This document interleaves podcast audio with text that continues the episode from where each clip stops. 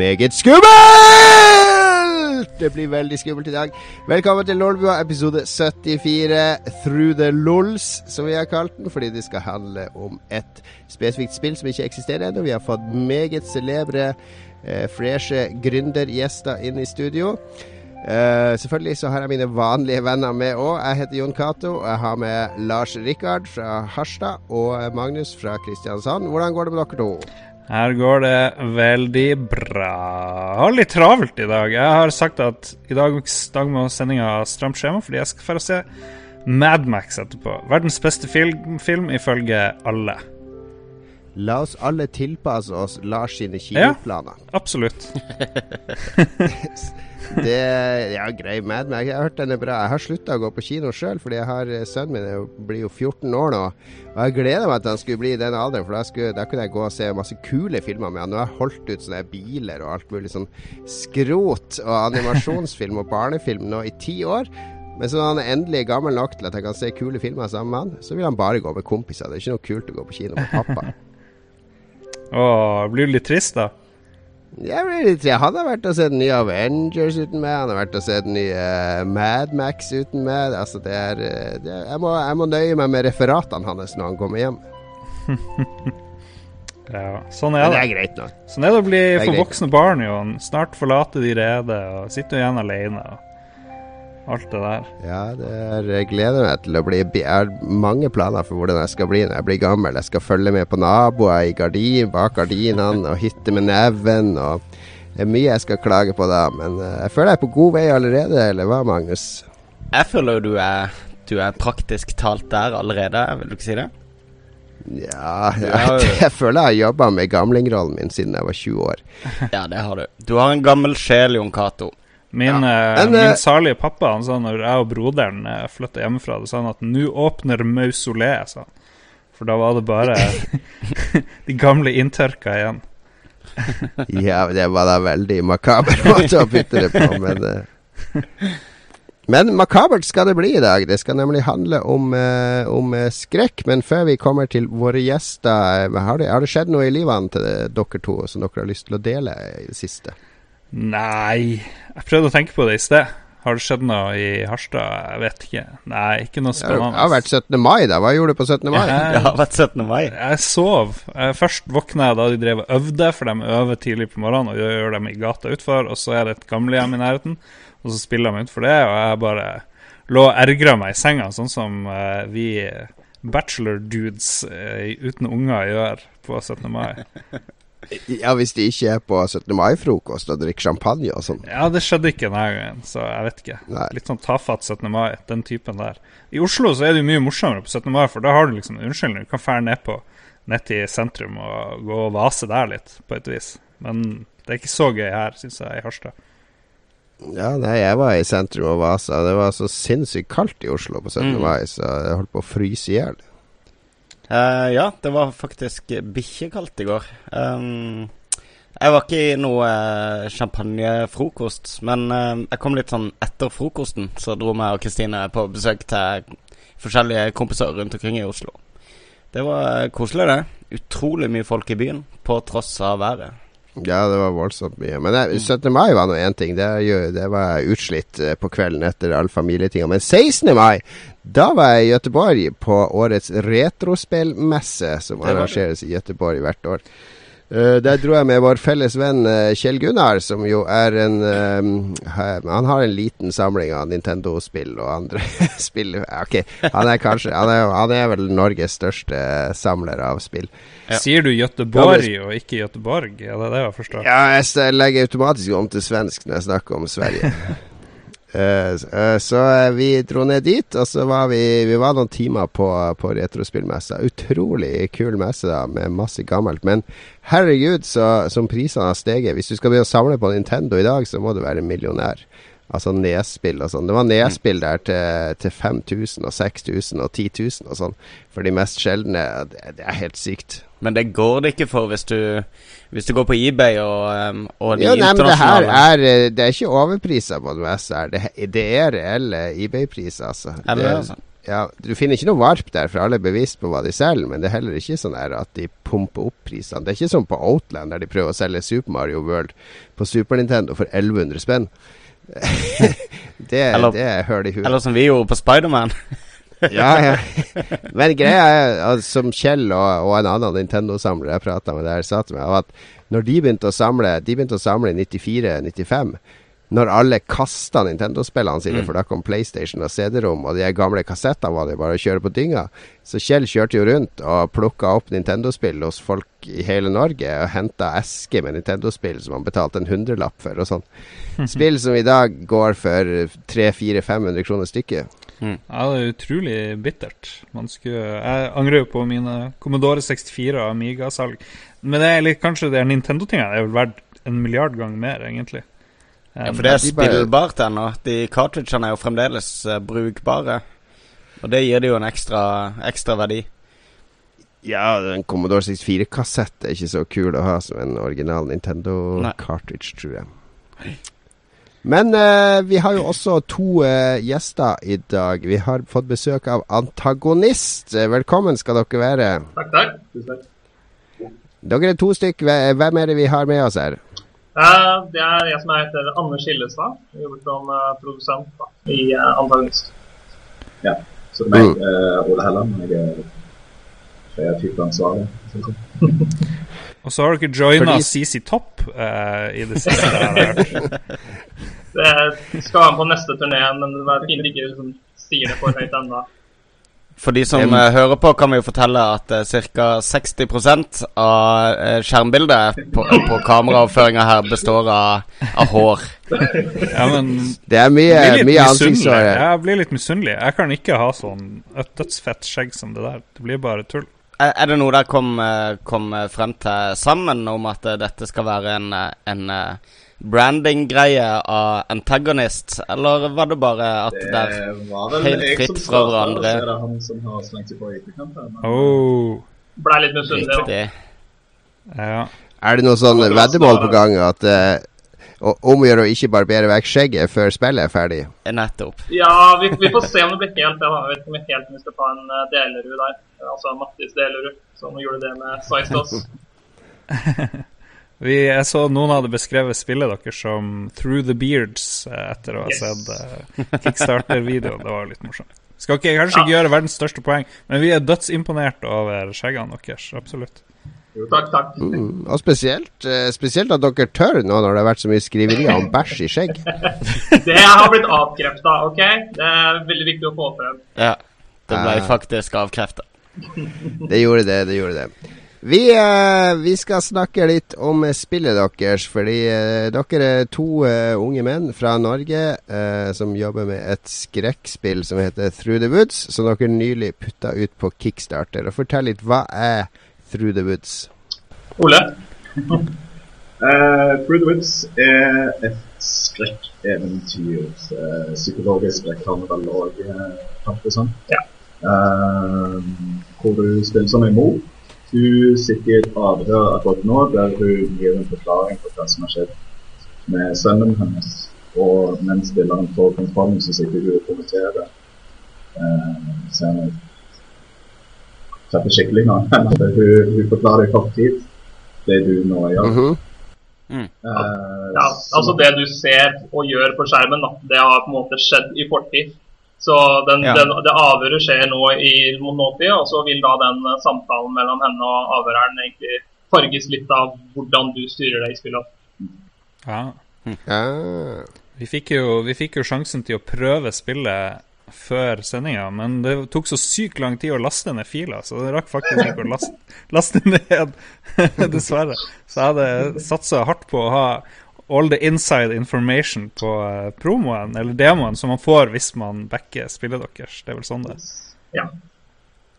Men, eh, men på kickstarter-videoen deres så ser man jo at dere har latt noen folk spille der spillet, og de virker ganske redd.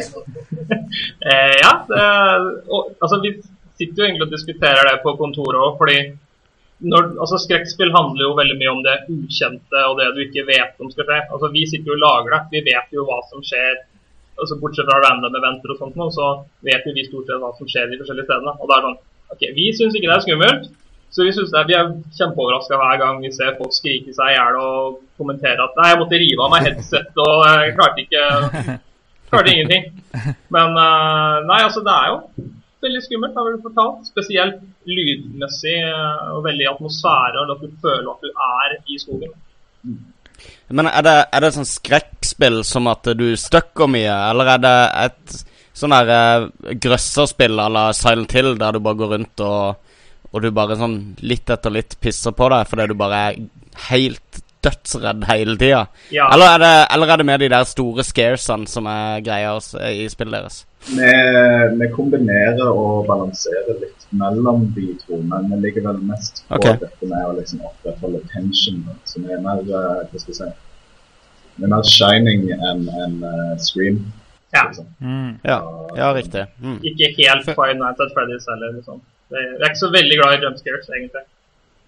Før, før vi sier masse mer om uh, spillet deres, har dere lyst til å si litt om hvordan dere starta som studio? Litt sånn historien bak uh, hvordan antagonist uh, oppsto? Sure, det må vi gjerne gjøre. Um, altså, det begynte vel egentlig tilbake i 2011, når jeg og Ole snubla over hverandre i fadderuka på det som het NITH da. Uh, altså en skole hvor vi begge begynte på spilledesignstudiet. Uh, og så fant vi ut at uh, begge har skjegg, så vi måtte jo snakke litt sammen. Var det noe dere fant ut uh, etter hvert, eller? Vi, vi, vi, fant det vel ut uh, samtidig, uh, men det har jo vokst siden. da. Det har jo blitt litt okay. eh, mer pondus på skjegget, eller hva skal jeg si. Eh, men vi, vi fant jo ut tidlig at det å jobbe med spill i Norge, det er jo ikke noe som er eh, selvsagt. Det må, Eller jobbe med spill hvor som helst, egentlig. Det må ganske mye innsats til. Så eh, for å kunne gjøre det bra, så måtte vi satse. Eh, og begynte da egentlig etter et halvt år sammen med noen andre å gjøre litt prototyper og en ideer på noe spillstudio. Og så begynte vi å få det som var forideen til det som blir Through the Woods. da. Uh, men fant veldig raskt ut at dette var altfor ambisiøst. Så eh, det måtte vi bare skrinlegge alt sammen. Så brukte vi da neste åra på skolen til å bare prøve å finne best mulig team. Uh, og så i 2013 så deltok vi i Dare to Digital-konkurransen, samtidig som uh, Mattis Delerud og de Size Does Matter. Eh, Ja. Og de slo jo oss ut i nordiske finalen, da, så det, det, ble- vi var veldig lei oss. Men det gjorde at vi fikk fokusere på å jobbe videre på Trude Woods isteden, så vi syns egentlig det var en eh, god løsning. Uh, så Er det stor, er det stor beef mellom dere og Mattis Veldig, nå, da? Veldig de slo stor. dere ut? Eh, så Mattis, hvis du hører på her nå, så får du holde deg i Hamar. Uh, nei da. eh, det, har vært, eh, det har vært god stemning hele tida. Vi, vi kommer jo fra samme skole og samme miljø, og det har vært eh, hyggelig. Så, så, så begynte vi da å forme antagonist uh, i løpet av siste året på skolen. Fikk henta inn et team på sju stykker. Og begynte å jobbe med the Woods i januar 2014 som uh, avsluttende bacheloroppgave. da fram til sommeren, og så har vi jobba fulltid siden uh, i fjor sommer på å utvikle videre. Er, er dere begge, har dere begge den tradisjonelle spillutviklerbakgrunnen med at dere har vokst opp med spill og har drømt om det her siden dere var tolv år? Eh, litt tidligere enn det, faktisk. Uh, jeg husker uh, første minne at jeg spilte Nintendo var før jeg var to år gammel. Folk sier at det ikke er mulig å huske, men jeg husker det. Jeg husker helt... Jeg tror man husker bedre ting man opplever gjennom en skjerm, enn det man opplever i virkeligheten når man er liten. Det er nok veldig sant. Nei, Jeg husker faktisk Mye i oppveksten at jeg hadde, jeg hadde lyst til å enten jobbe med spill, og da så jeg på det som bare det å stå i butikk og selge spill som veldig kult, eller bli spist på Manchester United. Eh, men, men jeg så på begge to som like sannsynlig å oppnå, altså ikke veldig. Men uh, det var først på, på videregående at jeg skjønte at det var mulig å jobbe med spill. Så da var det begynt å tenne litt interessen for det. Så du har eh, droppa totalt eh, fotballkarrieren? Ja, jeg måtte legge den på hylla. Jeg fikk litt sånn sportsskader og sånn. Så Og drø drømmen om å jobbe i spillbutikk har du òg gitt opp? Jeg, jeg var innom der noen år, sånn under studiene og sånn på, men Ja. eh, faktisk veldig fint å få med seg lærdom fra hva kunder tenker og hva de ønsker av spill og sånt noe. Jeg vet at det er Ja, veldig mange absolutt. i norsk spillbransje som eh, begynte karrieren sin på en spillbutikk. Mhm. Ja. Absolutt. Og eh, hvor viktig var skrekkfilmsjangeren Nei, ikke skrekkfilm, men skrekkspillsjangeren? Eller liksom, hvorfor ble det det som var det første prosjektet? Kunne det like gjerne blitt noe, noe annet? Uh, Ole skal få lov til å si noe, men jeg bare må bare si først at uh, en hemmelighet er at jeg liker egentlig ikke skrekkspill. da vi begynte å utvikle Through the Woods, så, det, så var egentlig tanken at det skulle være litt mer sånn adventure-aktig. Og så Ja. var det egentlig Ole og en designeren på teamet, Ole Erik, som uh, fant ut at nei, det her er et skrekkspill, det passer mye bedre. Men Så du eh, ble overstyrt? ja, Uh, absolutt. Så jeg har egentlig aldri vært noe glad i skrekkspill, men jeg har lært meg å like det nå. Men jeg vet at Ole har vokst opp med en mye mer interesse for skrekkspill enn det jeg har. Og det er skrekkspill og skrekkfilmer, egentlig. Eh, Ja. Og det er jo litt sånn som Anders var inne på her. Jeg er egentlig ikke særlig fan av, av eh, skrekkspill sjøl, faktisk. Fordi uh, Nei, men altså, det, det må være litt mer motivasjon for meg å kunne spille et skrekkspill enn å bli spent hele tiden. Mm. Så for min del så, så må det være ja, som sagt én til motivasjon, og i nok tilfelle så legger meg veldig fokus på storyen. At det er på en måte det som driver deg gjennom, men at du og blir spent. Fordi i mine øyne så er ikke det særlig morsomt, og hvis det ikke er morsomt, så er det ikke et bra spill. Selv om jeg kan forstår riktig. at eh, folk digger jo det, tydeligvis. Um, nei, altså eh, hvorfor det ble et skrekkspill var vel òg litt ut ifra en, en litt sånn det jeg liker å kalle en litt sånn personlig irritasjon over at eh, dette mystiske med skrekk i skog har på en måte blitt tatt helt ut av, av norsk underholdning medie. Så i, i, eh, i mine øyne så har det vel egentlig ikke vært noe særlig forsøk på, på mystisk skrekk i forhold til skogen gjort siden eh, De dødes tjern, egentlig, som jeg kommer på. Så når jeg pitcha det til teamet, så var det en ting som resonnerte ganske bra, så vi satte vel egentlig bare i gang med en gang. det. Så er det en historie som har dukket opp, opp igjen om at jeg tror Ole var den eneste i Norge som gikk på kino for å se 'Trolljegeren' og trodde at han skulle se en skrekkfilm. Ja, den er, den er skummel for de, for de unge, de. Men det, det, eh, mens dere holdt på med det her, så kom jo eh, Red Thread og annonserte Draugen. Og da er det plutselig to eh, skrekkspill på gang i Norge. Hva, hvordan reagerte dere da? Nei, altså det har vært eh, Det er ikke veldig unaturlig å tenke at eh, flere nordmenn har lyst til å lage spill som er satt i Norge. Uh, spillmiljøet i Norge er jo såpass lite at vi, vi snakker jo sammen om det meste. Så eh, vi, det, var ikke noe, det var ikke noe hemmelighet for oss at de kom med det. Nei, OK.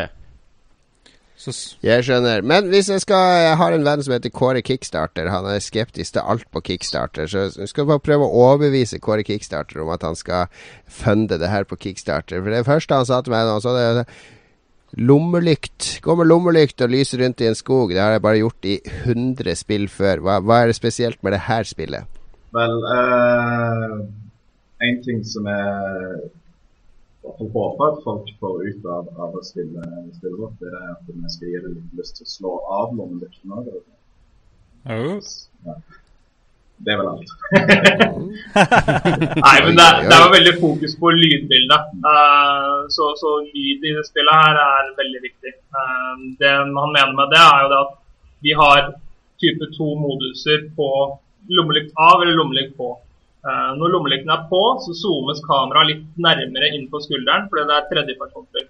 Uh, kommer mye nærmere, du hører pusten til karakteren mye tydeligere. Det er litt uh, klaustrofobisk. Ja, en veldig klaustrofobisk opplevelse hvor du på en måte ser nærmest tunnelsyn og ikke får med deg så mye av det som skjer rundt deg. Når du da først skrur av lommelykten, så panner kameraet litt bak.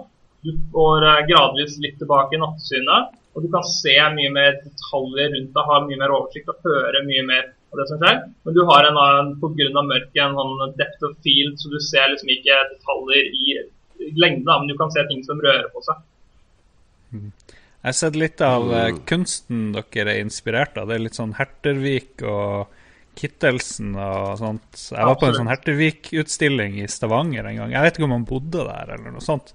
Det er jo sånne gamle, litt sånn veldig storslagne og voldsomme, men også litt skumle og weirde naturbilder fra Norge. og eh, Jeg syns det er litt kult at dere har gått den veien. Men så tenkte jeg også hvor stor del av å velge litt sånn urnorske naturbilder sånt, Hvor mye av den begrunnelsen er at man har lyst å eh, si til nordisk film at man har sånne ting med, og at det er større sjanse for å få støtte, liksom, eller et eller annet der. Altså, jeg, jeg, jeg tror ikke det, det handler så mye om liksom, nødvendigvis det økonomiske bak det, men jeg, jeg tror personlig at det er en så stor interesse for eh, ikke bare den inspirasjonen, men generelt i, i den kunstformen til, til disse folkene. Mm. Jeg syns det er litt kult at du nevner den eh, litt mer forstyrrende greiene til Høstervik. for Det er jo akkurat den biten vi har hatt utgangspunkt i, i skolene i, i spillet, faktisk. Og han er jo kanskje ikke så veldig kjent heller, liksom. Så hvis man liksom skulle være ute etter noe gjenkjennelig Eller ja, han er vel kjent i, ulike, i noen deler, men jeg visste aldri om det før jeg liksom bare havna på en utstilling plutselig. Du, Så hvis man skulle- heller, faktisk. Så. Det var overraskende. Vi har klart å finne folk på nettet fra utlandet som har hørt om dem. Og liksom, ja, kjempekult, så Du vet aldri. Ja, for jeg, de som har hørt, eh, hører fast på Lolbua, de husker kanskje vi hadde en Witcher 3-episode, for da var jeg i Sverige og besøkte eh, CD, eller på en visning med CD Project Red. Og den foregikk på et museum som hadde en utstilling som het Skrekkromantiske landskap.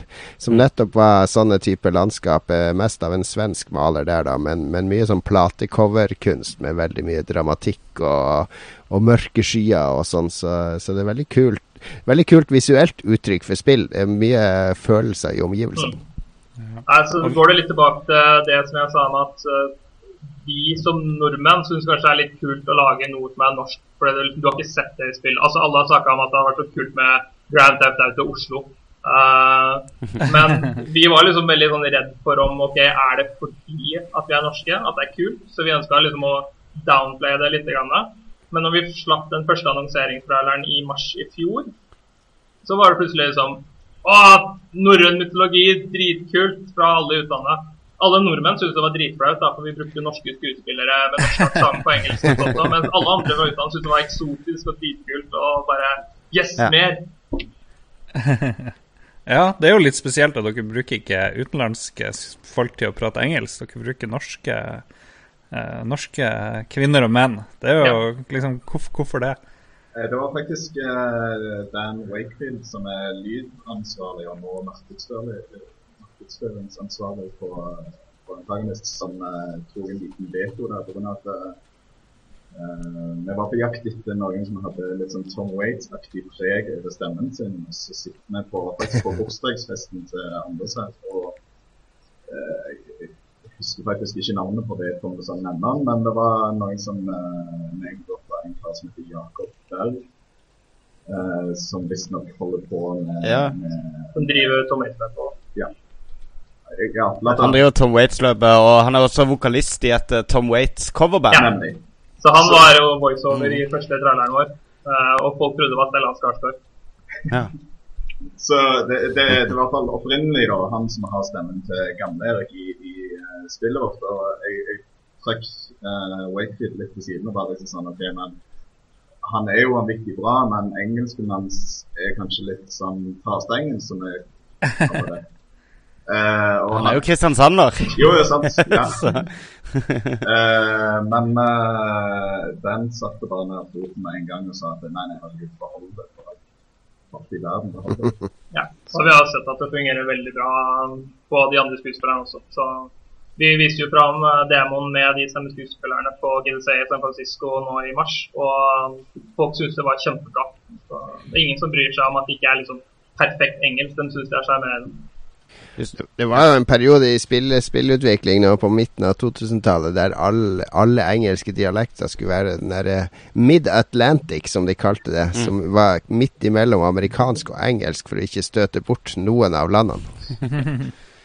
Men det er jo litt en greie, da. Hvis du ser på uh, black metal, norske black metal på 90-tallet Um, de brukte jo veldig mye sånn norsk skog som, uh, som, som sales point, kan du si. Det var jo veldig mye det folk var sjarmert av. Mm. Og engelsken i 90 av bandene er jo grusom, men det òg var, var, et sånn eksotisk preg som uh, så, som i hvert fall utenlandske black metal-fans som jeg har prata med, de syns det er en sånn ekstra, ekstra piff på det. da mm. Den der altså, kleine engelsk. Altså, er black metal-band ute etter å sjarmere publikummet sitt? Er de, ikke, er de ikke ute etter å vemme de? Hæ? Jo, men du, bruker, du sa Norsk Skog sjarmerte. Ja, ja, det skal bli skremt og ja kanskje. Men uh, funker på mange nivåer, gjør det ikke det?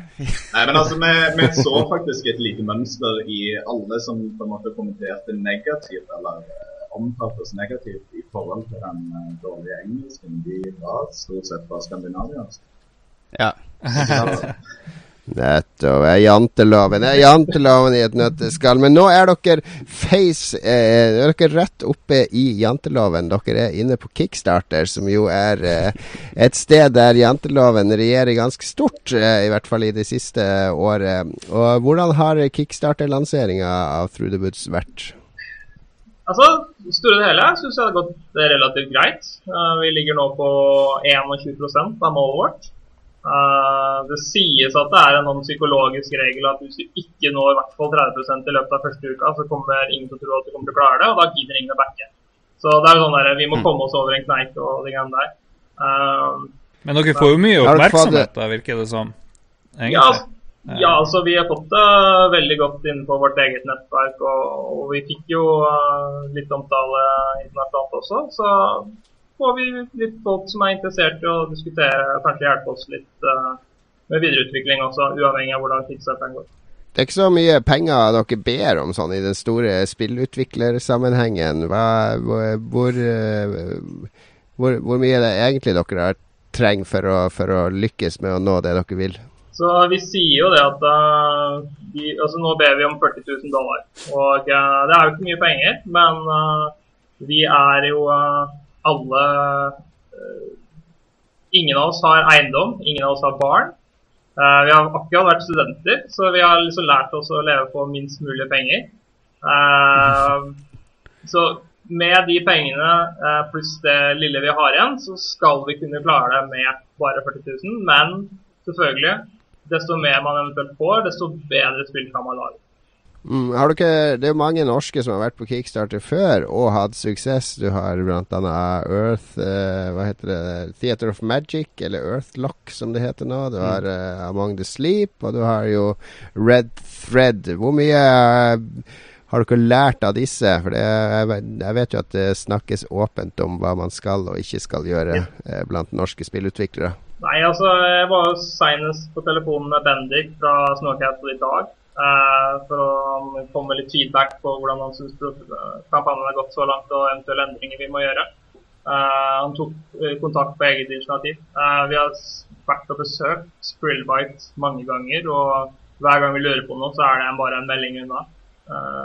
samme er det altså Redfred er jo litt mer opptatt, men de pleier jo å være relativt åpne med ting, de også. Så spillmiljøet i Norge er jo veldig bra på den måten. Men uh, det som er litt mm. spesielt i vår situasjon, er at uh, det er en stund siden vi hadde sin kickstarter. Og ja. kickstarter i dag er ikke helt det samme som det. Nei. Nei, det er riktig. Det er riktig. Men jeg har ikke tenkt på en sånn 5000 dollar-tier, der, eh, der, han som sponser den, får uh, skjegget deres i postkassen? Barbere ned i en plastpose og sende av gårde? Er det hint at du er interessert? Idé ja, ja, 5000 er kanskje litt mye, men 4000 Da må jeg sjekke i saldoen. Jon Cato ser jo at det vil akkurat dekke issen hans hvis dere ser noe får.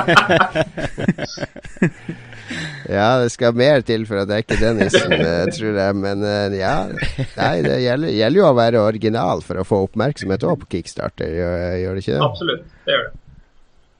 Uh, breaking news. Hvis dere vil ha, uh, hvis dere vil ha uh, kontakt med Dave Lang Han, Iron Galaxy-sjefen borti USA, de som lager Killer Instinct og sånt, så fikk jeg nettopp mail fra Det er jo breaking news her. Uh, hey Lars, thanks for the email. Be sure to check out the new episode uh, 36 where we read your email on the show. Holy shit! I'm a celebrity! For jeg hørte ni episoder på én dag, og så måtte jeg sende hvor uh, mye jeg likte den podkasten uh, hans. Uh, den heter GFB. Team GFB Radio, så den anbefaler jeg. Den har vi vel anbefalt før, men jeg fikk mailen akkurat nå når vi satt her, så da måtte jeg bare skryte litt av det. Veldig subtilt. Veldig, veldig bra selvskryt. Jeg lov det. Jeg har laga en liten sånn uh, For at uh, lytterne skal vite hvor i horrorlandskapet Through the Woods og, og dere to befinner seg, så har jeg laga en liten sånn horrortest her på slutten av det her segmentet. Uh, og det er sånn ofte Jeg tror det er Dagbladet eller andre som har sånn portrettintervju. Der spør de ofte sånn på slutten Øl eller vin? Fisk eller kjøtt? Altså, det må velge mellom to ting, da. Uh, og det første dere må velge mellom, er Resident Evil eller Silent Hill. Hvor ligger dere? Vi sier jo egentlig, ja, altså vi sier jo egentlig at vi er inspirert av begge, men Silent Hill. Ja. OK, Silent Hill der, da. Evil Dead 1 eller Evil Dead 2? uh, Der har vi Den første er jo hardcore horror, mens den andre er slapstick humorhorror. Er det ikke trea som er enda mer slapstick? En av to Trea er mer over i action, ja. actionhumorterritoriet. Ja, da har du rett i. Men, men eneren var, er bare grim, og der blir du voldtatt. En dame blir voldtatt av et tre, og det, den er ganske voldsom, altså. Men toeren, der er det mye humor. Altså, det som kan sies der, da, er at i og med at vi har fått penger fra Norsk uh, Filminstitutt, så kan vi ikke ha 18-årsgrense på spillet. Uh, så, så, så, ah. så, voldtekt og sånt er kanskje å gå litt langt, men jeg vil jo likevel påstå at det er mer én enn to. Ja, jeg, jeg, jeg, jeg, jeg er større fan av toen, mm. faktisk. Ja.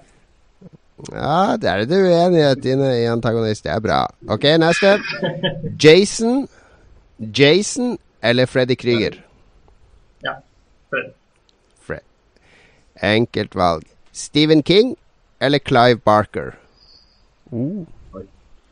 Altså Clive Barker han står bak ting som Ja, mer inspirert av Stephen King. Bra, bra. Og den siste er da, da er vi tilbake på 80-tallet. Motorsagmassakren eller Cannibal Holocaust?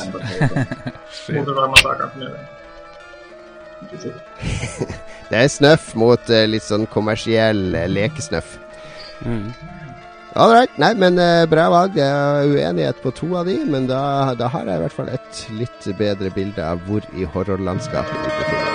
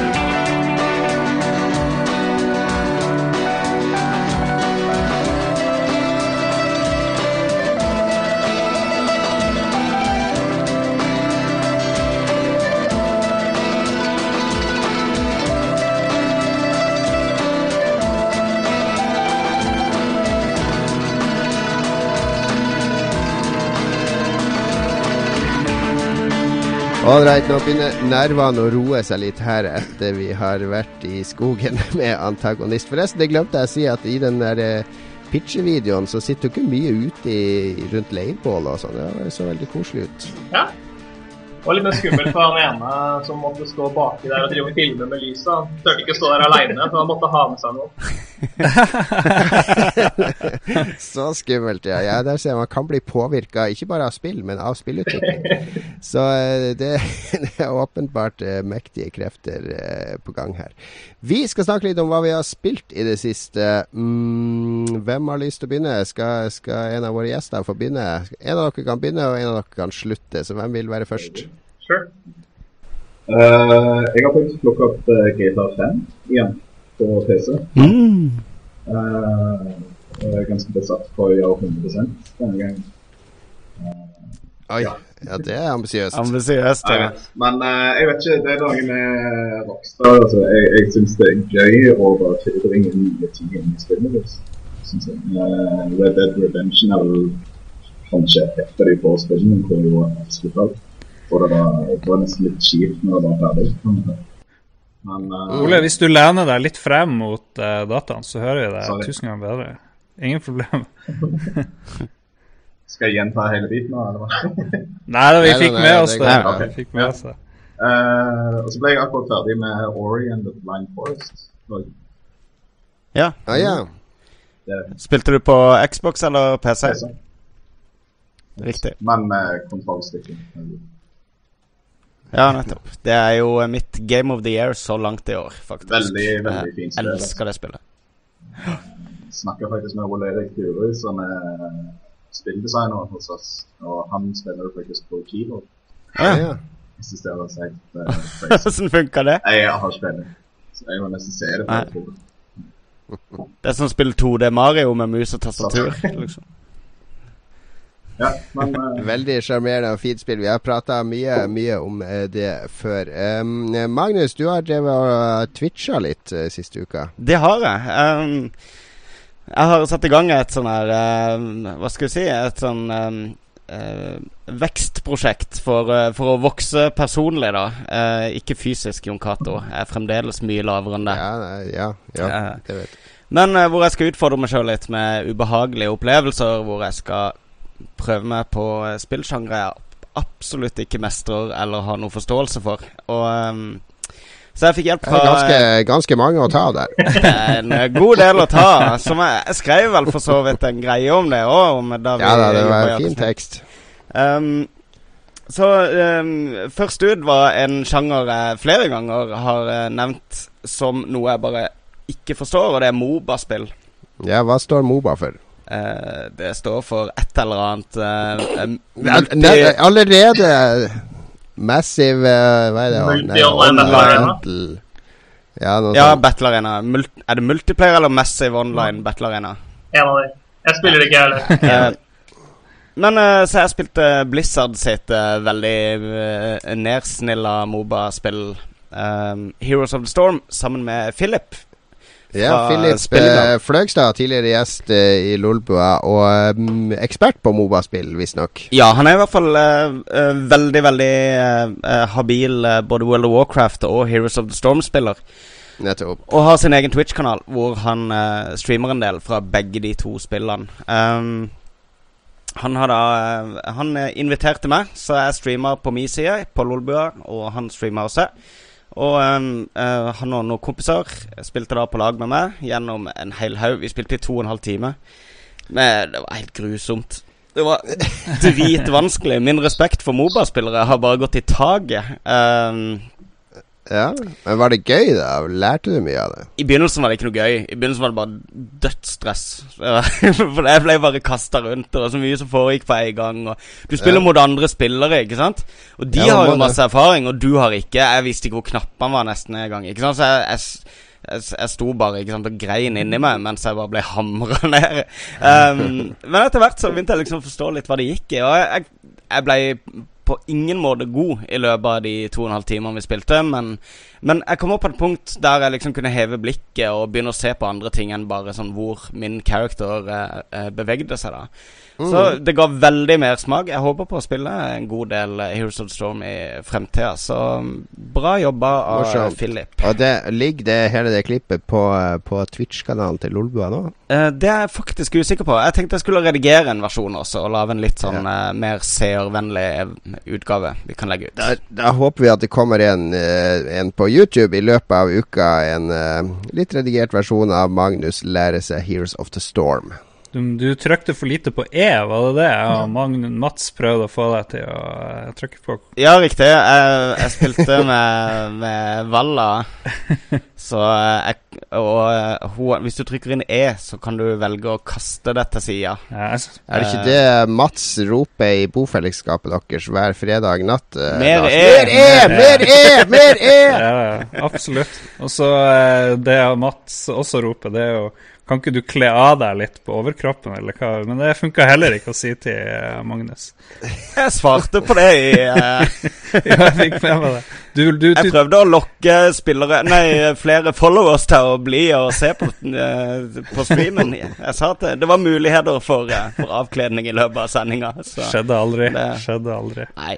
Det var ikke så mange som så på, men uh, eh, jeg håper at det blir flere etter hvert. Jeg håper jeg kan utfordre meg sjøl på, på flere spillsjanger fremover. Og hvis noen av våre lyttere føler de er flinke i et spill eller en sjanger, så send oss gjerne en mail. Eh, hvis dere har lyst til å lære meg å spille et spill på direkten. Veldig bra. Eh, jeg kan si hva jeg har spilt eh, før det, Lars. Jeg har um, Det snakka jeg om en gang før. eh, Elite Dangerous. Det har jo du laga en masterclass-videoserie på, på Lolboa. Men jeg kjøpte nytt eh, grafikkort nylig, og nå tester jeg på nytt med Oculus Rift. Oh. Fordi det er et av eh, de store spillene med Oculus Rift. Og nå kan jeg kjøre det med mye høyere detalj og mye smoothere oppdatering, og det var det var stort. Det, var, det er helt eh, Jeg er helt svett når jeg tar av meg det Oculus Rift-headsetet. altså, Som regel er jeg litt kvalm når jeg har prøvd sånne demoer og berg-og-dal-baner og sånne ting, fordi det, er- det, da kroppen min protesterer. Men akkurat Elite Dangerous der, der, eh, der vil jeg bare bli inni der. Jeg nekter å ta det av meg. Skal teipe det på, så får kona og ungene seile sin egen sjø. Så det, nei, det var, det var storarta. Så nå driver jeg og spiller Elite Dangerous med det headsetet hver gang. En sånn time er en time der. Det er, er, det, er det noe dere har tenkt på i Through the Woods? Eh, Oculus? Eller det er tredjeperson? Da blir det litt sånn rart, Vi har testa med Oculus, men det er som du sier, det er tredjeperson. Uh, så det er litt vanskelig å få det til kanskje på en bra måte. Men uh, jeg testa noen spill på GameStop i fjor som da ikke var førsteperson, så fikk det til veldig bra med Oculus. Så kanskje noe, men eh, ikke, ikke noe, ikke noe, eh, ikke noe kickstarter-mål, i hvert fall. Alle gode skrekspill har jo en sånn der enorm catch, eller sånn twist på slutten ofte. Eh, filmer og skrekspill. Er det twisten her at du er Det kameraet er faktisk en person som hele tida går bak og der mora i skogen. Så helt på siste skjedde så snur hun seg og sa Hvorfor, hvorfor hjalp du meg aldri?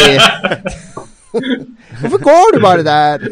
Det er den der samtalen som foregår hele tida. Det er han som går bak henne. Uh, nå har vi spoila hele spillet. Jeg håper ikke vi har gjort det. Men, uh, men uh, Lars, vi er fort videre til deg. Du har spilt noe som veldig mange kommer til å spille denne uka. Eh, ja, jeg hadde jo håpa å spille litt Through the Woods før sending, men siden eh, nettet kollapsa fullstendig, og det tok to og en halv time å laste ned, så satte jeg og Mats i gang Witcher 3, og så spilte vi inn eh, et par eh, Let's Play-episoder av Witcher 3, da. Og ja, det var morsomt. Du Det var med en gang masse nakenhet og ass og dit og datt. Det var terningkast seks fra deg. seks med en gang. Det, det jeg la merke til, var at han der Geralt, han hovedpersonen, full av arr, og andre gubbene full av arr. Alle damene, ikke en eneste skramme på dem. Så det, det syns jeg var litt weird. Jeg vet ikke helt hva det, hva det sier om spillet. Men når det først kommer i gang, så er det bare holy shit hvor uh, vakkert det der spillet er. De har jo prøvd å si at det skulle være et uh, pent spill. og i starten er du i en slags borg hvor du skal gjennom noen tutorials, og da er det litt sånn begrensa hvor pent det er. Men når du kommer liksom ut og kan gå fritt rundt i verden, så er det bare helt uh, psycho. Det som uh, Jeg bare tenkte tilbake på Skyrim og sånt, hvordan det var å gå gjennom der for første gang. Og det her bare blows it away, i hvert fall sånn eh, grafikkmessig. Og Og du, du spiller på PlayStation, eller? jeg spiller på PS4, så jeg kan jo ikke tenke meg hvordan det er når folk får sin Titan X og skal kjøre det her på fem ganger ultra. Nei, det er, men det, det er veldig flott. Det er veldig detaljert, fordi det er liksom sånn fugler og insekter, og alle trærne svaier i takt med vinden, og utrolig mye som skjer i landskapet Ja. hele tida. Ja. Nei, og så er det jo mye å gjøre da òg, heldigvis. Du skal vel ikke bare gå rundt og kikke på ting. Så vi prøvde å følge en sånn plott- plottgreie, det første missionet omtrent eh, du får, men vi havna med en gang ute på galeien og havna i en sånn sump og drit og lort. Og det var jo det som var så gøy med Skyrim, som er mitt favorittspill av den typen, da. Det var jo at du bare gikk et sted, og så bare Oi, masse adventure der, og ting å gjøre, og folk å møte, og rare objekter du samler som du kanskje ikke helt vet hva er, og sånt. Så det var veldig gøy. Jeg klarte å levele litt opp, men det var helt uforståelig, det her eh, systemet sånn med en gang. For du kunne levele opp så sykt mye ting, så jeg har ikke helt eh, skjønt det der, der da, eh, enda. Og jeg var jo ikke noen stor fan av Witcher 2, for jeg syns jeg vet ikke helt hva det var. Men Witcher 3 virker å være litt mer sånn eh, min greie av en eller annen grunn. Kom litt lettere inn i det, kanskje. Hva syns du om det? Er, det, er combat-systemet likt? Hva dere sa, studio i Oslo? Ja, ja. Jeg bare, eh, OK, sorry. jeg bare lurte på eh, hva syns du om det kontra Dragon Age Inquisition? Ja, vet du hva, Dragon Age uh, for meg, det siste, var akkurat som min The Witcher 2-opplevelse. Jeg ble, Det klarte ikke å suge meg inn i, i spillet, så jeg bare spilte bitte litt ut av det. Men De hadde ikke sånn naken dame? det var ingen naken dame, og så, og så brydde jeg meg ikke om noe av det som skjedde i starten, så jeg bare ja, ja, fuck it, jeg kan spille det senere. Men Switcher 3 For det var er litt mer sånn verden jeg vil være i. da Jeg følte det var en verden med mer mystikk og mer ting og mer eh, Ja. Så Mm. ja. Men jeg har ikke så mye grunnlag for å si noe som helst om Dragon Age, egentlig. Men jeg tror folk kommer til å like det. Jeg tror det. Ja, nei, jeg har spilt Witcher masse, masse, masse. Kommet veldig langt. Og uh, det er um, Det er veldig bra. Det er knallbra. Men det er, det er sånn Det har sånn der uh, arv fra før av, fordi det er én milliard million items å plukke opp og samle på. Altså det Jeg går rundt og plukker alle blomster og sånn jeg kommer over hele tida. Jeg bruker mer tid på å plukke blomster enn å slåss med monster. Men jeg plukker det, alt samler du helt sånn uten mål og mening, fordi jeg har én million sånn oppskrifter på én million ting, og jeg vet ikke nøyaktig hvor den tingen jeg mangler til å lage den tingen er, så jeg er bare nødt til å ta med meg alt. Så han der Geralt han går i spillet mitt nå, sikkert på han har to-tre tonn med, med drit han går og bærer på. Jeg aner ikke hvordan han putter det, men, men det er en sånn samlemani, og det er veldig sånn uoversiktlig, akkurat den biten der. Det er litt sånn ork å drive når jeg skal begynne å lage potions og ting og crafte items og sånn. Ja, men du kan jo bare Eh, men- tror, du, tror ikke du trenger å crafte så mye hvis du ikke vil, liksom. Det, jeg følte Ja, det føler jeg går glipp av litt hvis jeg ikke gjør det. Ja. Nei, jeg liker òg det der. Jeg syns jo det var veldig gøy i Skyrim å samle på ostehjul og eh, fly etter sommerfugler og sånne greier. Det kunne jeg gjøre i timevis. Så akkurat den biten, den, den er ikke så ille for meg i Witcher, egentlig. Nei, ja, Men det er eh, du har i hvert fall ikke noen begrensninger på hvor mye du kan uh, bære på, har du det? I Witcher? Tydeligvis ikke. Ja, og det var jeg redd for, men uh, det, ja, det utvides bare. Inventory bare utvides jevnt og trutt. Så hadde nå en sånn eh, 30-40 sverd en periode her. Det er ingenting som er kjedeligere i uh, Skyrim og de spillene der enn akkurat idet du har plukka opp ei fyrstikkeske for mye, så, så går du i kne stående, liksom. uh, midt i Det er deilig i sånn RPG når du plutselig må gå i sånn sneglefart fordi Ja. du plukka opp ett blåbær for mye. Ja, det var trasig. Ja. Jula. Nei, men uh, positivt uh, førsteinntrykk. Jeg var klar til å hate det, egentlig. Men uh, når jeg først kom ut i verden og kunne gjøre hva jeg ville, virka det kult. Det er bra.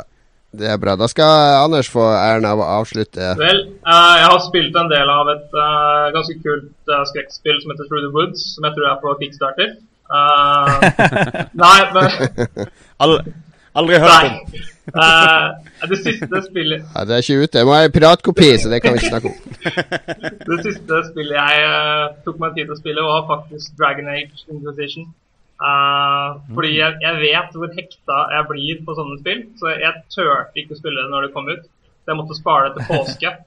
Uh, og da begynte jeg å spille på det da. Og så brukte du Du bruker jo veldig lang tid på å bli ferdig med det spillet her, da. Det er jo altfor mye å gjøre. Mm. Bruker det på å skal lage. Ja, ja, ja, selvfølgelig. Character setup og få riktig ansikt og alt igjen der. Ja, men altså, det, det, Ja, riktig skjegg. Det er veldig viktig. Det var, det var det var faktisk ganske mye tid på. Det, det så ganske bra ut, da. Uh, nei, men altså, det er jo Altså, jeg, jeg digger uh, BioWare-spill. Jeg syns historie og sånt nå er fantastisk der. Uh, ja, visse ting kunne vært bedre. Og kanskje det som jeg var mest skuffa over i Dragon Ball Competition, var UX-designet. Altså, det var jo så altså, War-tablet i forhold til hvordan du skal sende ut sideoppdrag-greiene. Totalt umulig å ha oversikt. Uh, hvis du skal kjøpe og Det, det har jo vært i alle Dragon Age-spillene, men altså, hvis du skal finne liksom den beste oppskriften for den ultimate tingen du skal lage, så kan du ikke se hva de oppskriftene lager før du har kjøpt de for halvparten av gullet ditt, og så må reload ja. hvis ikke det du vil ha. Uh, altså Det er det spillet jeg måtte google mest på de siste årene, bare for å finne ut av hvordan jeg skal gjøre halvparten. Uh, det endte jo opp med at jeg selvfølgelig har drept alle dragene, har alle dragon uh, bones igjen, og ikke laga noen ting, fordi at jeg venta på den mest ultimate oppskriften jeg var til slutt hadde runda spillet. uh, så det var Altså, jeg, jeg digger den type spill, men de kunne kutta veldig mye content, og jeg syns det har vært et bedre spill Uh, det er egentlig akkurat det samme jeg syns på Alien Isolation. De, de kunne kutta siste tredelen, og det har vært et bedre spill. Uh. Jeg er enig. Jeg syns de kunne lukka spillet mer, egentlig. Um, for det jeg føler I det, i det um, Dragon, uh, Dragon, Age kommer til det punktet hvor liksom spillverdenen åpner seg, og det er mer fritt hva du skal gjøre og sånn, sånn cirka der så føler jeg ikke de har noen plan videre. Så det, hele, hele interessen min for spillet fisla egentlig litt vekk der og da. Hvis de hadde, hvis de hadde holdt litt hardere på historiefortellinga, mm. sendt meg eh, litt mer i en rekkefølge mellom de forskjellige mapsene, sånn, så tror jeg kanskje jeg hadde likt spillet bedre. Absolutt. The Witcher 3, hvis vi skal snakke litt om det igjen, det åpner seg også veldig. Men eh, der er det sånn at um, det står det her området anbefales fra level 15, og det her fra deilig. level 10. Og sånn, sånn at uh, basically så, så, er du bare dum hvis du går dit. Da dør du bare hele tida. Så det er, ikke, det er ikke så åpent i den forstand. Det var problemet mitt i Dragon Age Inquisition. Da. Når du kom til disse her main quest-oppdragene hvor det sto liksom anbefalt level 12 til 15, og jeg er level 22 fordi jeg har vært innom alle sider av oppdragene først. ja. Uh, ja, så scaler det ikke, nei. nei. Så jeg, jeg, jeg bare grinder uten å få XP. Fordi jeg må jo få alt content. Det høres helt topp ut. Men jeg må bare name-droppe veldig et veldig kort spill som uh, programmereren vår har oppdaga i det siste. Uh, et spill som alle burde sjekke ut. Et My Summer Car. Uh, det handler om å skape den ultimate finske sommeren. Hvor du da skal bygge en bil og drikke øl og kjøre bil. rekkefølgen velger du sjøl. eller du må bygge bilen først, da. Men det, det, det er et fantastisk spill. Så My Summer Car, google det og sjekk det ut.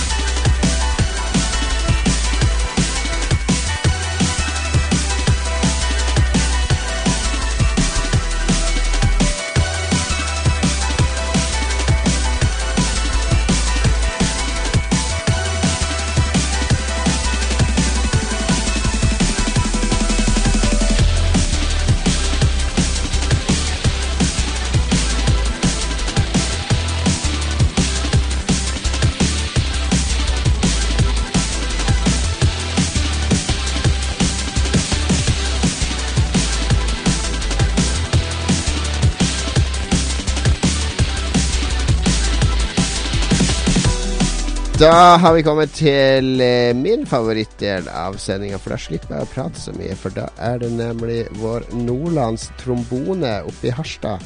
Og Han har det veldig veldig travelt i dag. Han skal på Mad Max. Han kommer til å skumme gjennom lytterspørsmålene i vill fart og kreve korte svar fra oss, tipper jeg. Eh, er det så, Lars? Veldig, veldig på on the nose der, må jeg si. On the beard. On the beard. Eh, jeg setter direkte over til Lars, som loser oss trygt inn i natta. Vær så god.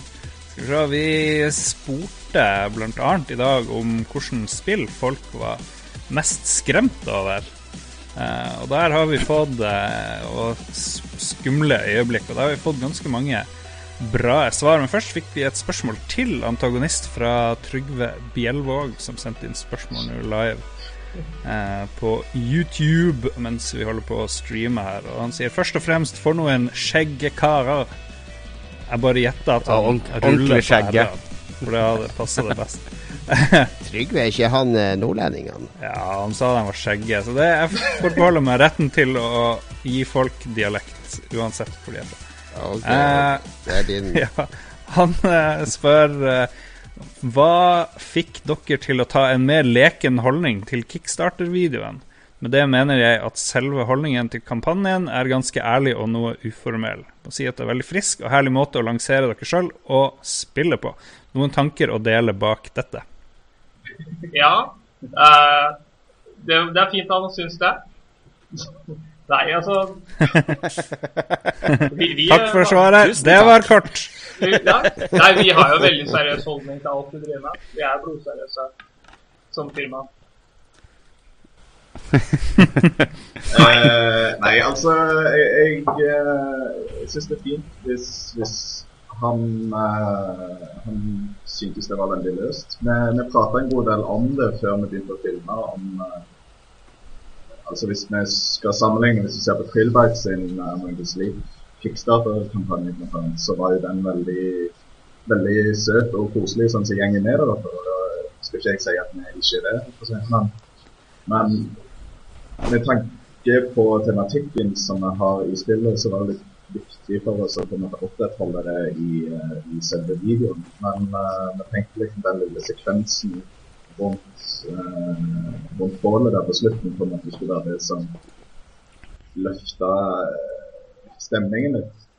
Uh, Ja, for dere var jo ganske seriøse ellers uh, i videoen. Vi prøvde. Skrekk er seriøst. Nei, altså uh, Vi skulle egentlig for å være helt ærlig, vi skulle egentlig ha den sekvensen som er, som er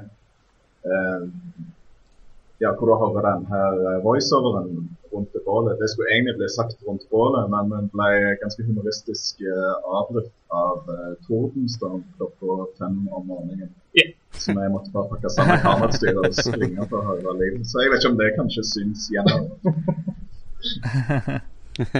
All All righty, skal vi se.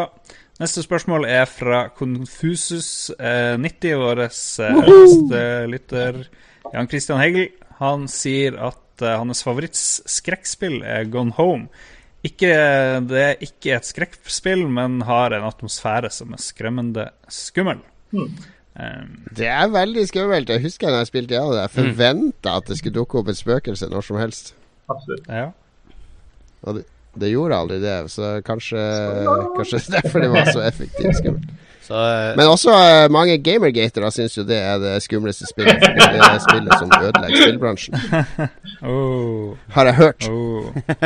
Altså, når, når, når vi eh, prøver å forklare spillet vårt veldig kjapt til noen, så ser vi jo at det er Alan Wake møter Gone Home med litt amnesia i det. Så kanskje vi også er med på å bidra til å drive ned spillbransjen. Jeg vet ikke. Jeg håper ikke det. Nei da, nei da, nei da. Gå videre fort. Vi har vi, vi, vi, Vi dette vi kan territoriet. ikke nevne må vi legge bak Vi kan ikke nevne Gamergate. Skal vi se Trygve uh, Bjelvåg sier at uh, når du spiller som Ashley i Resident 4, er noe av det skumleste han har opplevd. Ah. Ja, det er skummelt. Men Resident Evil 4, det er liksom da det gikk fra å være skrekk til å bli action, Ja. på en måte, er det ikke det? Jo, det ble jo eh, Det var på mange måter et rent actionspill, men det hadde, det hadde noen biter som akkurat når du spiller som Ashley, da, som er, som er mer nervepirrende enn eh, andre deler. Ja.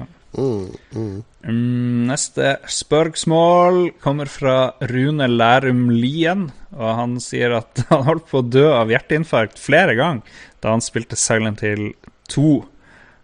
Ja, det er jo Ja, det det, er- jo det er jo klassikeren innen de verste, mest skumle Ja. spillene også. Seriøst, bare fuck de som har landet. det. Det er så evil, det spillet. Eneren òg. Jeg, jeg syns nesten eneren var verre, fordi at eh, da eneren ble lansert, så var det liksom et univers som ennå ikke var etablert. Folk visste ikke hva de fikk. ikke sant? Så når du første gang hørte den radioen begynne å knitre, og sånn, så var det første gang du opplevde det. Første gang du liksom Den Ja, ja, ja, ja. det turner, og du bare plutselig så er det blod på alle veggene. Så bare what the fuck, ikke sant? For det, du har aldri sett det noe annet sted. Det, det var det siste skumle spillet jeg runda. Etter det har det bare vært Blomster og Mario på meg. det var liksom liksom det, uh, det første sangbildet som egentlig var trakk teppet under føttene våre når det kom ut, Ja. sammen med Resident Evil. Altså, jeg, jeg, altså, Sekundet jeg nevner hunder og vinduer, så tror jeg de fleste tenker på det samme øyeblikk i, i resten av livet, f.eks. Men ja. eh, Silent Hill 2 tror jeg er nummer én-spill. Altså, det står så høyt på lista mi. Altså, I hele tatt hva de gjør med For da- når du finner det der, og eh, ikke minst skrekk i, i, i seg sjøl. Mm. Uh, Når du finner det der fengselet under bakken i det er så Silent Hill kult at du nevner det, fordi eh, i en sånn videooppdatering som jeg filma i dag, så prater jeg faktisk nøyaktig om den ene scenen. Fordi eh, når jeg var jeg tror jeg var 15 eller 16 år når Silent Hill 2 kom og en kompis av meg ringte til meg og sa liksom sånn Hei, jeg fått tak i sang til 2, vil du den og spille den? Jeg bare sånn, ja, ok, jeg hater en, men jeg hater det i den forstand at jeg ikke klarte å spille det. Det var litt for skummelt for lille meg. Men uh, Så vi, vi setter oss ned og begynner å spille det sammen. Og, og man kom liksom hele tiden til parti der det var liksom sånn OK, jeg har ikke gøy lenger, du tar over og spiller litt. Og uh, faktisk, når vi kom til den fengselsbiten der hvor eh, de lurer deg noe sånn helt sinnssykt, fordi du får ikke bare saving-punkt, men du får òg liksom sånn bøttevis av ammo, og på kartet så ser du at du skal inn i et sånn gigantisk rom og hele pakken. Og vi bare liksom sånn OK, hva skjer, hva skjer? hva skjer? Bare bygge opp. Det høres ut som du er på Tom Waits sitt nachspiel, liksom, med, med oljetønner overalt. Og masse fiender og sånn som det. Og, og sekundet du åpner dørene, så blir det bare dødsrolig. og jeg kikker på kompisen min, han kikker på meg. OK, vi bare, bare slutter. Gikk skjært for oss. Det var ikke før dagen etterpå vi klarte å plukke det opp igjen for å fortsette. Og det var det inntrykket der var helt sinnssykt. Mm, Marte, Marte Kvamme Strømmen hun drar frem Kill Killing Floor 2, spillet jeg ikke har spilt. Eh, Når de store zombiene spåner. Akkurat passe skummelt for meg, er jævlig pyse, sier Marte om seg sjøl. Er det noen som har spilt Killing Floor 1 eller 2? Nei. Nei.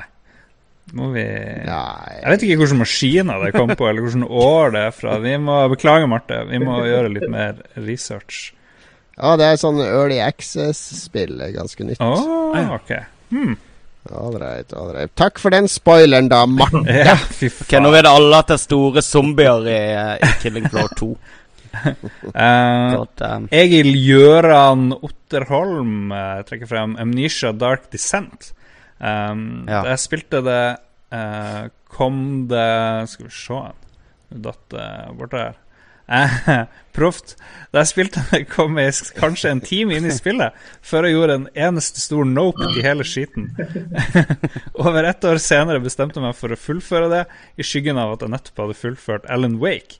Kom igjennom det på pinglete 14 timer, men det står igjen som et av mine stolteste øyeblikk å endelig se rulleteksten.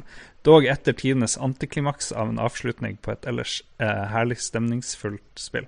Hederlig omtale gis også til en viss del av Ethan Carter, som foregår nede i en gammel gruve. Det var det jeg snakka om sist.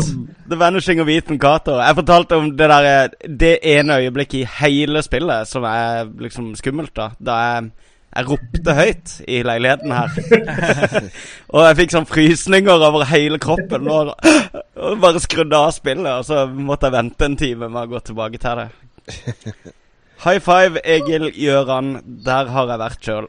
Ja, ja, ja. Og Amnesia er jo, var jo veldig skummel. Det var, ja. det var et av de første av de førstepersonsspillene der du egentlig ikke har noen måte å kjempe tilbake på, der du bare må gjemme deg og, og flykte. Silent Hill var jo også sånn. Det var jo litt av det som gjorde Silent Hill-spillene bra, eller ekstra skumle, var at det var bosser du ikke kunne drepe. Mm. Um, men ja, Amnesia også var jo superskummelt på det der. Mm. Mm, skal vi se Cato Sondresen trekker frem Condemned Criminal Origins, som har fått han til Yes. å hoppe i stolen eh, et par ganger for mye. Spillet er enda litt skumlere om du velger å ikke bruke skytevåpen. Det er jo Ja. seriøst skummelt spill. Ja, Uh, det er Xbox 360-lanseringsspillet. Det Ja. er Condemned. Det er lagd av Er det ikke Monolith som har lagd det? Jo, Monolith. Jeg husker jeg spilte det sjøl sånn dagen derpå på en festival. Altså når jeg bodde festivalen var i samme by. Hadde jeg liksom Det var dagtid, fullt med kompiser i hele stua. Det, sånn, det skal jo ikke være skummelt. Men de skyggene når de der hoboene driver og løper rundt alt det greiene der Jeg husker bare at jeg måtte skrike bare for å liksom tørre å gå videre. Jeg bare sånn Yes! Nå kommer jeg tørre! Ah! Men, men det er jo det som er greia med Condemned, da. For det, sånn på papiret så høres det ikke så skummelt ut med en gjeng med narkiser, ikke sant? Som er liksom de skumle. Um, men eh, det er bare eh, måten det liksom psykologisk er lagt opp på. Du, du går liksom Du kan gå i en halvtime uten at noe Ja. skjer, for eksempel. Det er ingenting som skjer, det er bare sånne antydninger til at det er skummelt. Det er skummelt. Og idet det skjer noe, så er det bare du Det er sånn fight or flee eh, som kickes i gang i hjernen din hver gang, og du bare Du lammes noen ganger av skummelt det er. Det er, det er mesterlig lagt opp til spillet. Jeg er klar til å spille kanskje fem timer av det før jeg bare måtte gi opp. Um, vi må bare burne på her. Det var veldig mange som hadde lyst til å si noe om skrekkspill. Det er jo populær eh, sjanger blant LOL-crewet. Uh, er Øyvind Nygaard sier at uh, også han trekker frem Resident Evil 2. Og, men han tenker på spesielt da armene kom gjennom veggen i korridoren på uh, politistasjonen. Og så eh, nevner han også Alien Isolation og første møte med eh, udyret. Da Der må jeg bare si at jeg er helt enig, men problemet der var at de på forhånd hadde spoila altfor mye. Så jeg visste jo nøyaktig hvordan det her så ut fordi at de hadde sluppet masse ting på YouTube og så videre. sånt, Så det var ikke skummelt i det hele Mm. tatt. Det Ja, men det var jo din egen sånn- skyld, egentlig. Jo, men altså Det er kanskje spillutviklere i meg sjøl som, som vil se, men eh, ja. Nei, jeg syns de kunne gjort litt eh, mindre markedsføring der. Men eh, Ja, ja jeg, jeg, jeg tar poenget ditt. eh, Jeg, jeg skulle akkurat til å si akkurat det. Det kommer, det kommer. eh, Det kommer etter hvert. Hold your horses. Først så er det han Håvard Ruud, eh, som sier at han vanligvis unngår skrekkspill, men har spilt Fear og Among the Sleep. Elsker og hate begge, og der havna han vel i en uh, utveksling av meninger med, med dere i antagonistgjengen uh, der. Men folk kan gå på Twitteren og følge med på det. Rune Lærum Lien, uh, bare for noe helt random, et spørsmål jeg har glemt å ta med tidligere, men som jeg lovte vi skulle svare på. Eh, og det her går rett til deg, Magnus. Vi tar en liten pause fra skrekkspørsmålene. Han lurer på oh, ja. Veldig viktig. Eh, kan du anbefale om det er best å sitte på kontorstol og spille på konsoll? Eller er det best å sitte i sofaen? Og det her er jo selvfølgelig et spørsmål til deg fordi du har investert flere titusen i en helt ny stol. Hvor mye? 10 000? Flere titusen. Flere titusen, ja. Ja, den kosta 73 000, den stolen jeg sitter i nå. Så eh, det har vært en real investering. Um, hvis det er snakk om å spille konsoll, så, så anbefaler jeg å sitte i sofaen. Det er litt av, av grunnen til at man spiller på konsoll i stedet for på PC. Hvis du likevel skal sitte med konsollen kobla i monitoren din i en kontorstol, så ville jeg heller eh, spilt på en PC. For da er du liksom Du kan jo dra Da sitter du 73 der. 000-kronersstolen din inn i stua, da. Den er dritgod, men han er dritgod til å sitte typ sånn eh, rett opp foran en monitor og i mange timer av gangen. Mens altså, det som er deilig med konsollspilling, er jo at du ligger eh, langflat på sofaen og, eh, og koser deg foran TV-en i stedet. Da. Så jeg, jeg vil alltid foretrekke sofa foran kontorstol. Men, men når jeg var liten, så husker jeg Fordi da hadde vi ikke meg, da, jeg hadde Commodore 64 på rommet, men min beste venn Gunnar da, han, og mange andre som hadde De hadde Commodore 64 under TV-en. Og da var ikke ledningen til joysticken lang nok til at du kunne sitte i de stolene eller sofaen bak, så vi lå ofte på magen foran Ja. TV-en og spilte Ja. eh, med joysticken. Det kunne du gjøre i timevis. Jeg har prøvd å ligge på magen på gulvet og spille PlayStation 4. Jeg klarer tre minutter, så begynner rygg og knær og alt. Det er så vondt. Eh, Jeg må opp og sitte ordentlig. Eh, Hva, har skjedd med kroppen vår? Når slutta vi å ligge på magen og spille? Ja, det, Eh, nå er jo du eh, litt oppe i årene, Jon Cato, så, Ja, litt. Litt. Så jeg tror det er det. Har, har mye uh, Ser du på kidsene dine? Ligger de på maven foran TV-en og ser på, f.eks.? Ja, de ligger i de mest bisarre posisjoner foran TV-en. Det, det er disgusting hvor eh, god form sånne unger er. Og de aner jo ikke hva de har i vente. Jeg blir misunnelig, blir misunnelig på de små krypene. setter ikke pris på det. Egentlig burde du knekke noen bein på ungene dine, sånn at de liksom vet hva de har i vente. Og hvor Så de stivner litt i leddene og sånn? Ja. La de nyte. uh, og så endelig, vi hopper tilbake til horror. Jostein Hakestad sier ingenting jeg noensinne har spilt, har vært skumlere enn PT, sier han. Jeg, jeg, jeg, jeg skjønner den, altså. Jeg, jeg, jeg tørte ikke spille PT sjøl, men jeg så noen andre spille det på Twitch. Og jeg satt og var livredd mens jeg ja, satt og så på en stream Det var et helvete. Eh, Jeg torde ikke spille det alene. Jeg måtte ha noen i stua når jeg skulle gjøre det. Ja. Det var helt jævlig. Det var helt grusomt å gå rundt der uh, i gangene. Og det er jo så genialt konsept, så hvis det ikke kommer noe mer Silent Hills, som PT jo var en demo for, så Det gjør jo ingenting, jo, jo, jo, egentlig. Det kommer, eh, det kommer mer Silent Hill på smarttelefonen. Konami går nemlig full mobile. Holy fuck. Det ja. skumle spillet er jo best på mobil, det vet jeg. Ja, ja, ja. Bare deg og hele T-banevognen. Ja, ja. Um, Sitter og skriker på banen. og så fortsetter han Jostein med å si at Men synes Alien Isolation klarte noe interessant. Et jevnere nivå av spenning uten å ty til for mange bø-øyeblikk.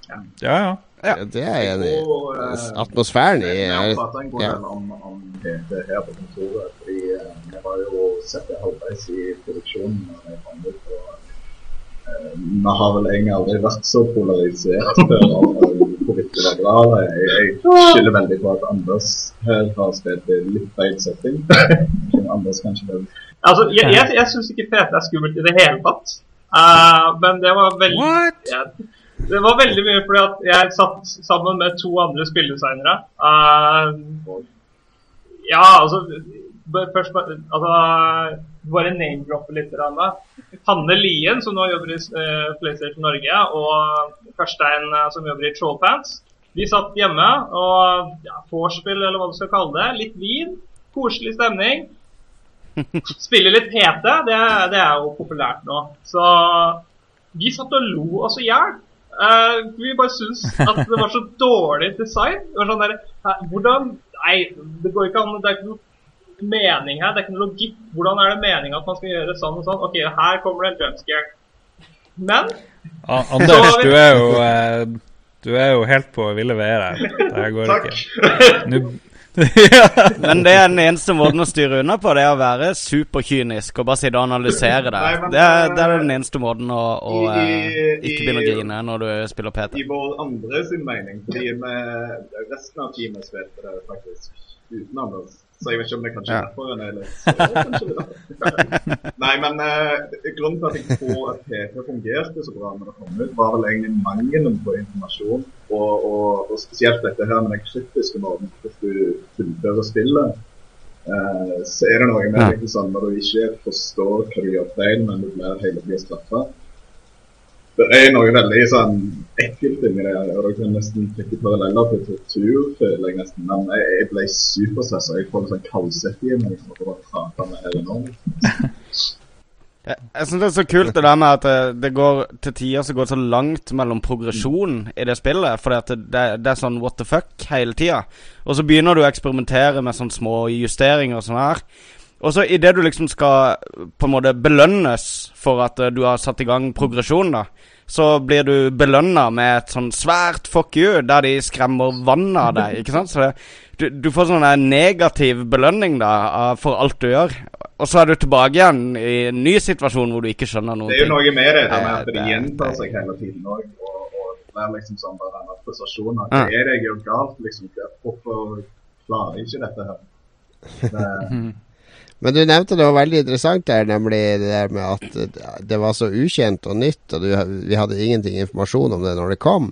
Da blir det med en gang mer skummelt. Og det er jo en veldig utfordring for dere med Through the Woods i videre markedsføring og sånn, med hvor hvor mye skal vi vise? For det sa du jo sjøl, Alien ble ikke så skummelt fordi du hadde allerede sett den her Alien mm. så mange ganger før i markedsføringa osv. Hvordan, hvordan takler dere det? Hvordan skal man selge et spill som man helst ikke skal vise noe som helst fra?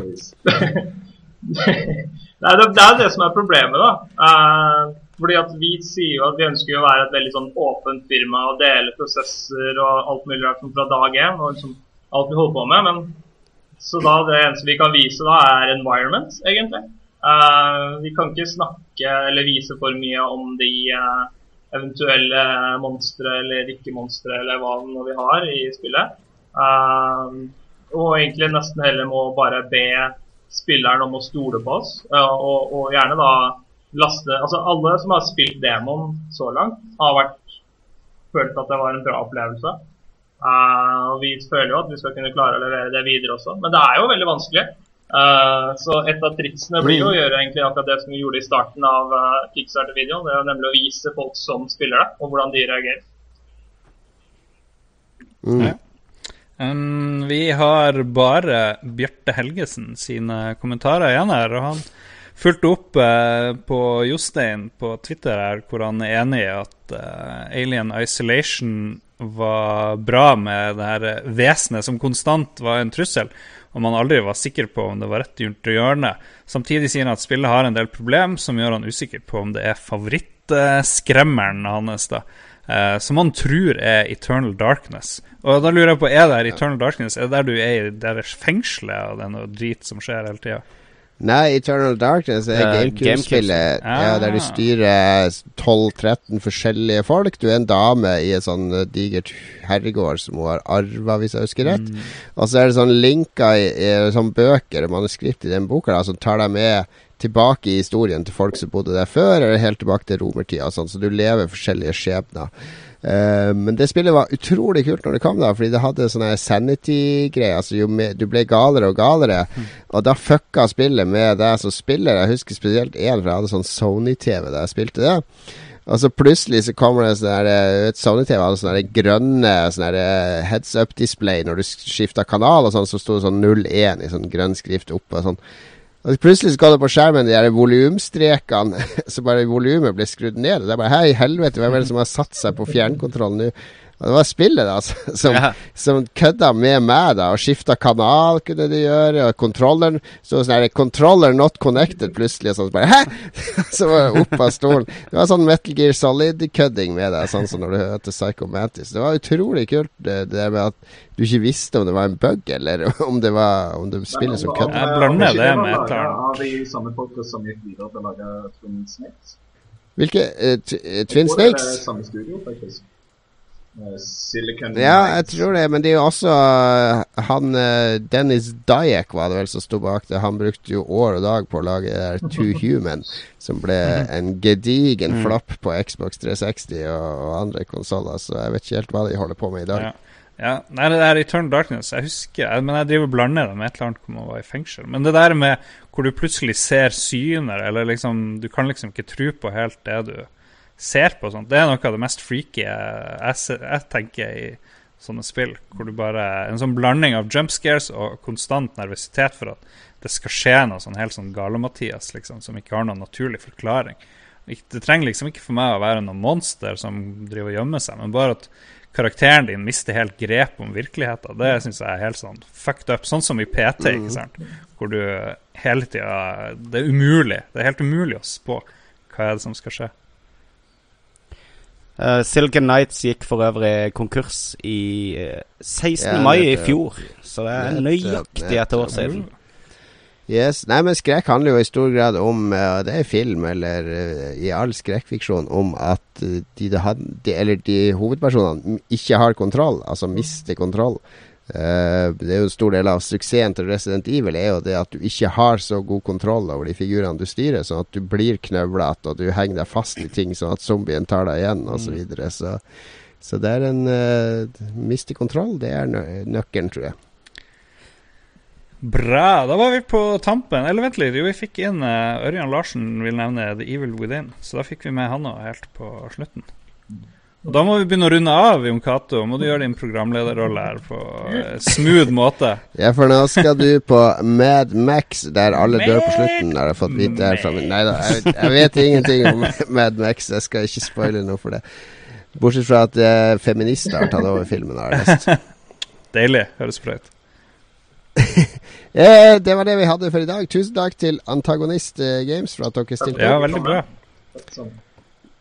Direkte fra Blindern. Eh, slett ikke verst. Vanligvis får vi bare vær og temperaturer fra Blindern. Denne gangen fikk vi spillinformasjon fra Blindern.